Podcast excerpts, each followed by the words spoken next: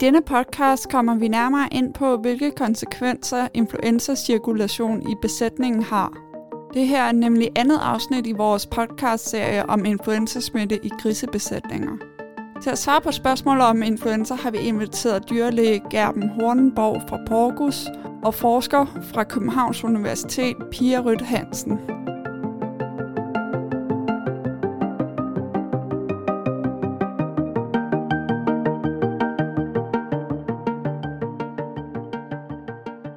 Pia, hvilke, hvilke aldersgrupper er det, der bliver smittet i, i besætningerne med influenza? Ja, så typisk så ser vi, at, øh, at influenza har, øh, har gode vilkår i øh, farestallen og i, i starten af klimastallen, og det er der, hvor at vi, vi oftest påviser influenza. Og det skyldes to ting. Så man kan sige, at de her antistoffer, som pattegrisene får fra moren, de begynder at falde øh, allerede fra fødslen af, og så hen imod fravænding øh, falder de, så det vil sige øh, tit allerede inden fravænding, der begynder grisen at være modtagelige for influenza. Og så er det, de kommer over i klimastanden, hvor vi ofte får blandet vores grise igen, øh, fordi vi øh, sætter dem sammen øh, med, på baggrund i deres størrelse. Og så er det, at vi har individer, der aldrig har mødt influenza før, som nu møder smittede individer, og dermed øh, bliver cirkulationen øh, holdt i gang og forstærket.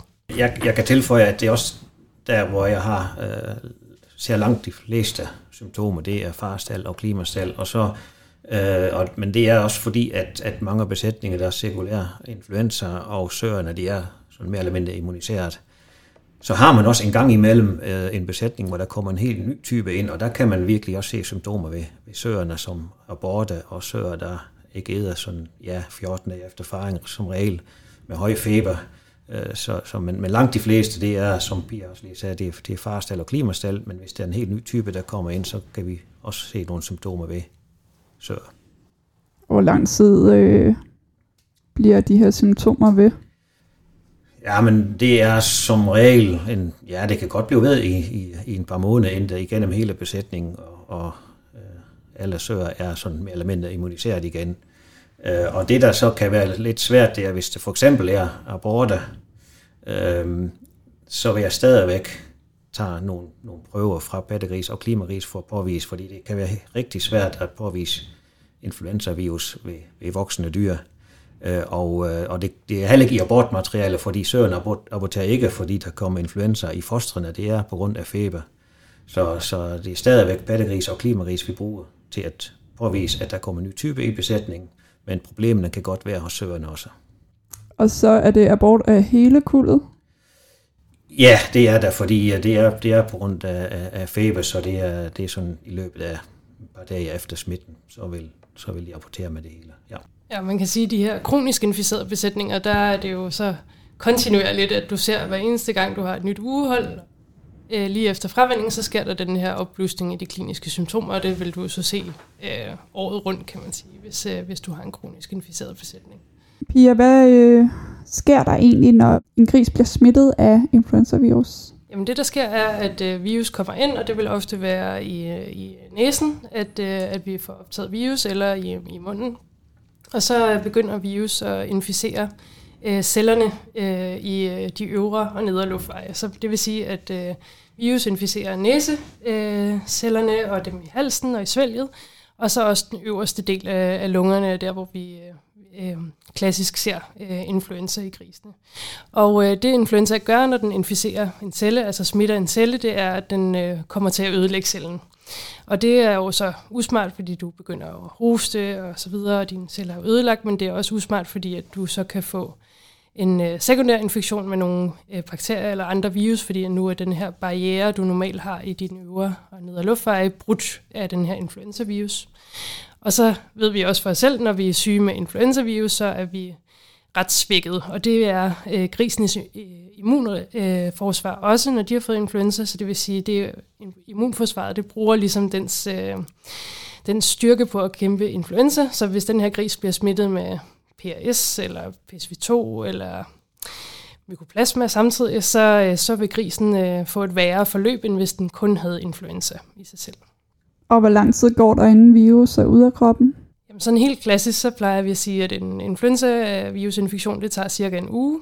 Øh, men vi ved, at der er nogle grise, som faktisk kan udskille virus i op til tre uger. Og det vil ofte være, hvis grisene bliver inficeret, øh, imens at de har de her antistoffer for deres, øh, øh for deres mor øh, til stede i kroppen. Så, øh, så de her pattegrise kan altså udskille virus i meget længere tid. Den smitter til gengæld rigtig hurtigt, kan man sige. Så, øh, så hvis en gris er smittet i kuldet, så øh, går der kun et par dage, og så er hele kuldet smittet med influenza. Og Gerben, er der noget, du vil gøre som dyrlæge, når influenza rammer et helt kuld? Ja, man, man gør mest øh, noget for at forebygge, at smitten øh, kommer videre i besætningen eller laver det helt store problemer. De enkelte grise, der er smittet, der kan man ikke gøre så meget andet end behandle de der sekundære infektioner og måske give noget, øh, noget ja, smertestillende eller noget, der ligner, når vi tager en kodimonyl. Det kan vi også give til grisene, så den var rundt kan man godt behandle. Øh, men, men det, der er vigtigst, øh, når jeg er ude i besætninger, det er, at, at vi, vi laver nogle procedurer for at bryde den der smittekæde så meget, som vi overhovedet kan, så der ikke kommer nye, så mange nye grise til, der får influenza øh, med sektionering og hygiejne og intern smittebeskyttelse, den slags ting. Hvad med antibiotika? Kan det gøre, at grisene hurtigt får det bedre? Det er kun, hvis der er sekundære infektioner. Hvis der kun er influenza som eneste, så, så har antibiotika ingen effekt overhovedet. Nej, så antibiotika virker kun mod bakterier, ja. øh, og er ligesom øh, sat i verden for at prøve at ødelægge de her bakterier. Så det har ingen effekt mod virus. Der er det vacciner, vi skal bruge for at bekæmpe virusinfektioner. Corona er på samme måde som influenza også en virus, der ikke kan kureres med antibiotika, men hvor man skal bruge en vaccine. Under coronapandemien fik blandt andet ældre mennesker tilbudt en pille i behandling af corona. Kan man på samme måde tildele grise en pille eller noget lignende, for at de hurtigere bliver raske? Ja, altså der findes ikke, øh, ikke nogen øh, antivirale midler, som vi kalder de her piller, øh, til grise øh, på nuværende tidspunkt. Øh, humant, der har vi faktisk et middel, der hedder Tamiflu, som nogen måske har hørt om, som, øh, som kan gå ind og mildne din, øh, og også forebygge din øh, influenzainfektion. Øh, men det er sådan, så ligesom når man bruger antibiotika, så med de her antivirale midler, så øh, hvis man bruger det øh, i stor mængde, så opstår der resistens, og det er det samme, vi ser med det her Tamiflu, at der ret hurtigt udvikles øh, resistens, hvis man bruger det, så derfor vil vi helst undgå at bruge det i vores svineproduktion, sådan så vi ikke får en masse, genereret en masse virus med resistens mod det her Tamiflu, som er et af de eneste humane midler, der findes til at bekæmpe influenza. Ja, og jeg tænker, hvis det skal bruges i svinebesætning, så var det også øh, uafbrudt kontinuerligt, man skulle bruge det, så det er nok heller ikke så, så ønskeligt. Nej. Kan man godt give sådan nogle humane, humant medicin til, til gris? Altså, det, lige med det her Tamiflu, der må vi ikke. Og der er jo sådan en regel øh, som dyrlæge med, at øh, hvad hedder, kaskadereglen, så du må kun øh, bruge de her humane midler, hvis der ikke er noget præparat tilgængeligt, øh, et veterinært præparat tilgængeligt. Men, men på nuværende tidspunkt er det slet ikke aktuelt, fordi det er også prismæssigt vil det være helt... Øh, men, men man må da håbe, at måske på sigt kan udvikles noget, der kan, kan hæmme influenza ved grise også. Ja, men på nuværende tidspunkt, som Gerben siger, så er det vigtigste ligesom at give de her grise et skud panodil eller tilsvarende, hvis det er, at man vil gøre noget. Fordi så kan det være, at man i hvert fald kan sørge for, at de her grise ikke går helt fra fodret, når det er, at de bliver syge. Gerben, Gerben laver I egentlig nogle estimater på, eller har du hørt, hvor meget det koster, hvis en besætning bliver ramt af influenza?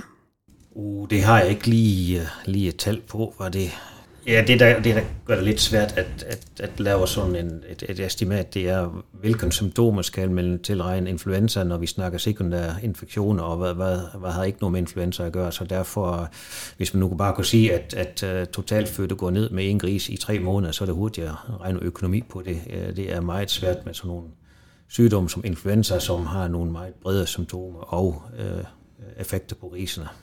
Men stopper tilvæksten for smågris egentlig, hvis øh, de bliver smittet med influenza? Ja, hvis de virkelig, øh, ja, øh, de bliver, øh, de bliver utrivelige, nogle af dem i hvert fald, og langhåret, og de bliver sat tilbage i deres tilvækst. Ja. Vi lavede et lille studie i løbet af mit øh, phd projekt hvor vi øh, undersøgte grise fra uge 0 til 6, og dem, der havde influenza, de vejede i gennemsnit øh, 1,6 kilo mindre, end dem, der ikke havde haft influenza, da de var 6 uger gamle. Så, øh, så de går jo, altså i kender det fra os selv, hvis vi er syge med influenza, så gider vi heller ikke rigtig at spise så meget. Så de, øh, de kan altså godt gå for fodret, de her grise.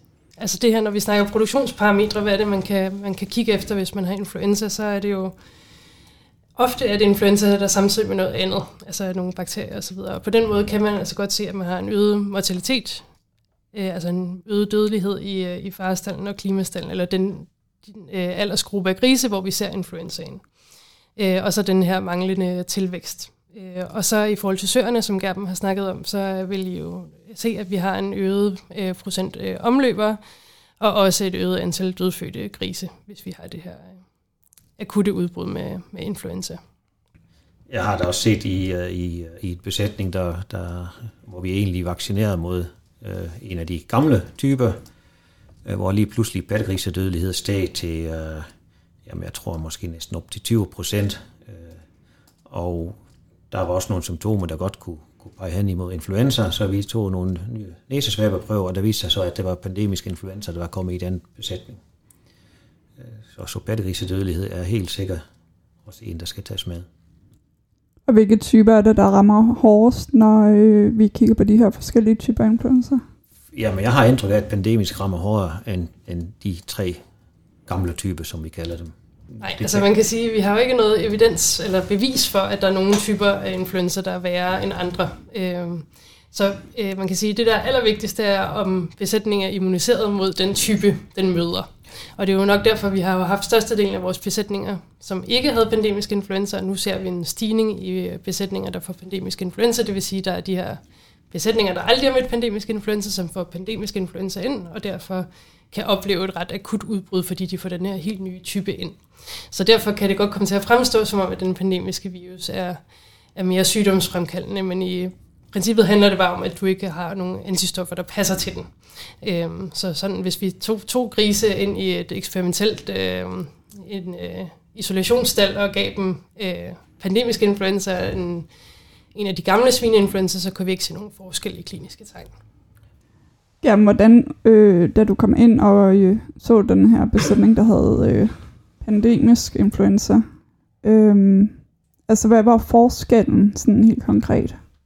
i forhold til almindelig ja, influenza? Men, så besætningen havde været øh, gennemvaccineret med almindelig, øh, eller en af de gamle type influenza, eller den gamle vaccine. Øh, Øh, og så da så den nye type kom ind, og det svarer nok meget godt til det, Pia lige sagde, fordi besætningen var immuniseret mod de andre, så der, der så vi ikke så meget, men lige pludselig så så vi de der øh, øh, pattegrisedødelighed, men også pattegrise, der havde øh, næseflåde, tårflåde, røde øjne, nysensnøften og alle de der helt klassiske influenza-symptomer, der, der var kommet frem igen. Og var det så en enkelt øh, farstald-sektion, eller hvordan øh, så du det her? Nej, det var, det var flere uger i træk i flere forskellige sektioner, inden, øh, inden vi fik stillet diagnosen og, og skiftet vaccine. Hvordan reagerede landmanden, da han ligesom fandt ud af, at det var det? Øh, ja, men det, ikke andet end, at jamen, så måtte vi skifte vaccinen, så det, øh, landmænd var glade for, at vi fandt årsag til problemet, faktisk, øh, i stedet for, at man ikke lige ved, hvad man skal, skal sætte ind. Så, og det, så blev det også ret hurtigt bedre, efter at vi fik øh, gennemvaccineret hele besætningen to gange. Så gik det ret hurtigt ned med batterisedødelig igen. Hvordan var hans reaktion, øh, inden du kom ind? Altså, øh, hvad havde han af bekymringer? Ja, men det var nok især den stigende batterisedødelighed, der, der øh, gjorde, at vi, at vi begyndte at kigge på, hvad er der, der sker i den her besætning. Øh, det var en af de besætninger, der med i, øh, i øh, projektet Battegris Liv, hvor, hvor de får opgjort dødelighed hver eneste uge, så, så vi kunne hurtigt se på de grafer, at det blev ved med at stige og stige. Man kan godt have nogle uger, hvor der bliver lidt højere, men, men hvis man hver eneste uge har en stigning i forhold til sidste uge, så, så, skal, der, så skal der ske noget.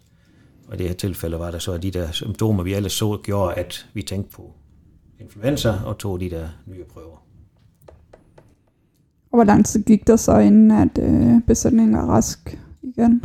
Ja, men jeg ved ikke, man kan ikke lige se, at besætningen er rask igen, men hvis man nu ser, hvor, hvor lang tid går der, indtil dødeligheden er ned til, til det niveau fra før, der var nok en, ja, en to og en halv, tre måneder.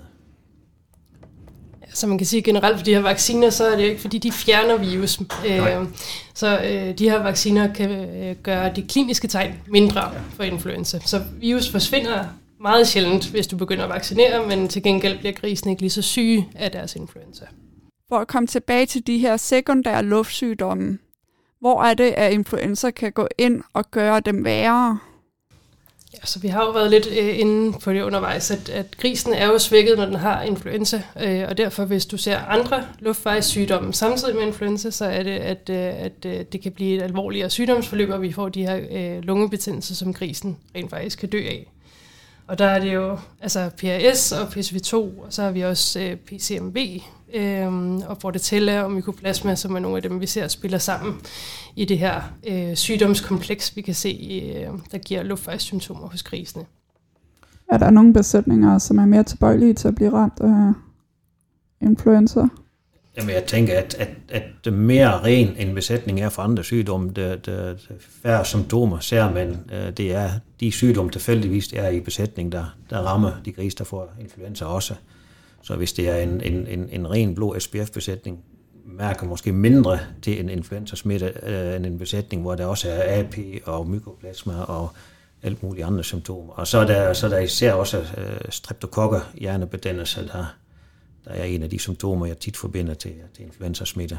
Og den, den har man i alle besætninger, uanset om det er SPF eller ej.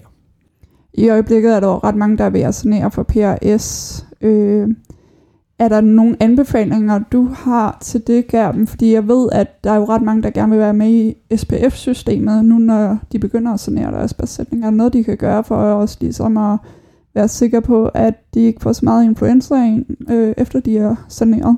Nej, man, nej det, det er ikke at, at holde ud, men man kan sige, at fordelen ved at lave en PS-sanering, det er, at mange af de der principper, man tager fat i der med, med Gravel, som vi kalder det, intern smittebeskyttelse, vil også gøre, at influenza vil, vil uh, have en mindre indflydelse, eller mindre, vil give mindre problemer, færre problemer i besætningen. Tak fordi du lyttede med. Hvis du ønsker at være opdateret på den nyeste viden inden for griseproduktion, så husk at abonnere på vores kanal, Sikkes Gris, så du får en notifikation i din podcast-app næste gang vi udkommer med et nyt afsnit.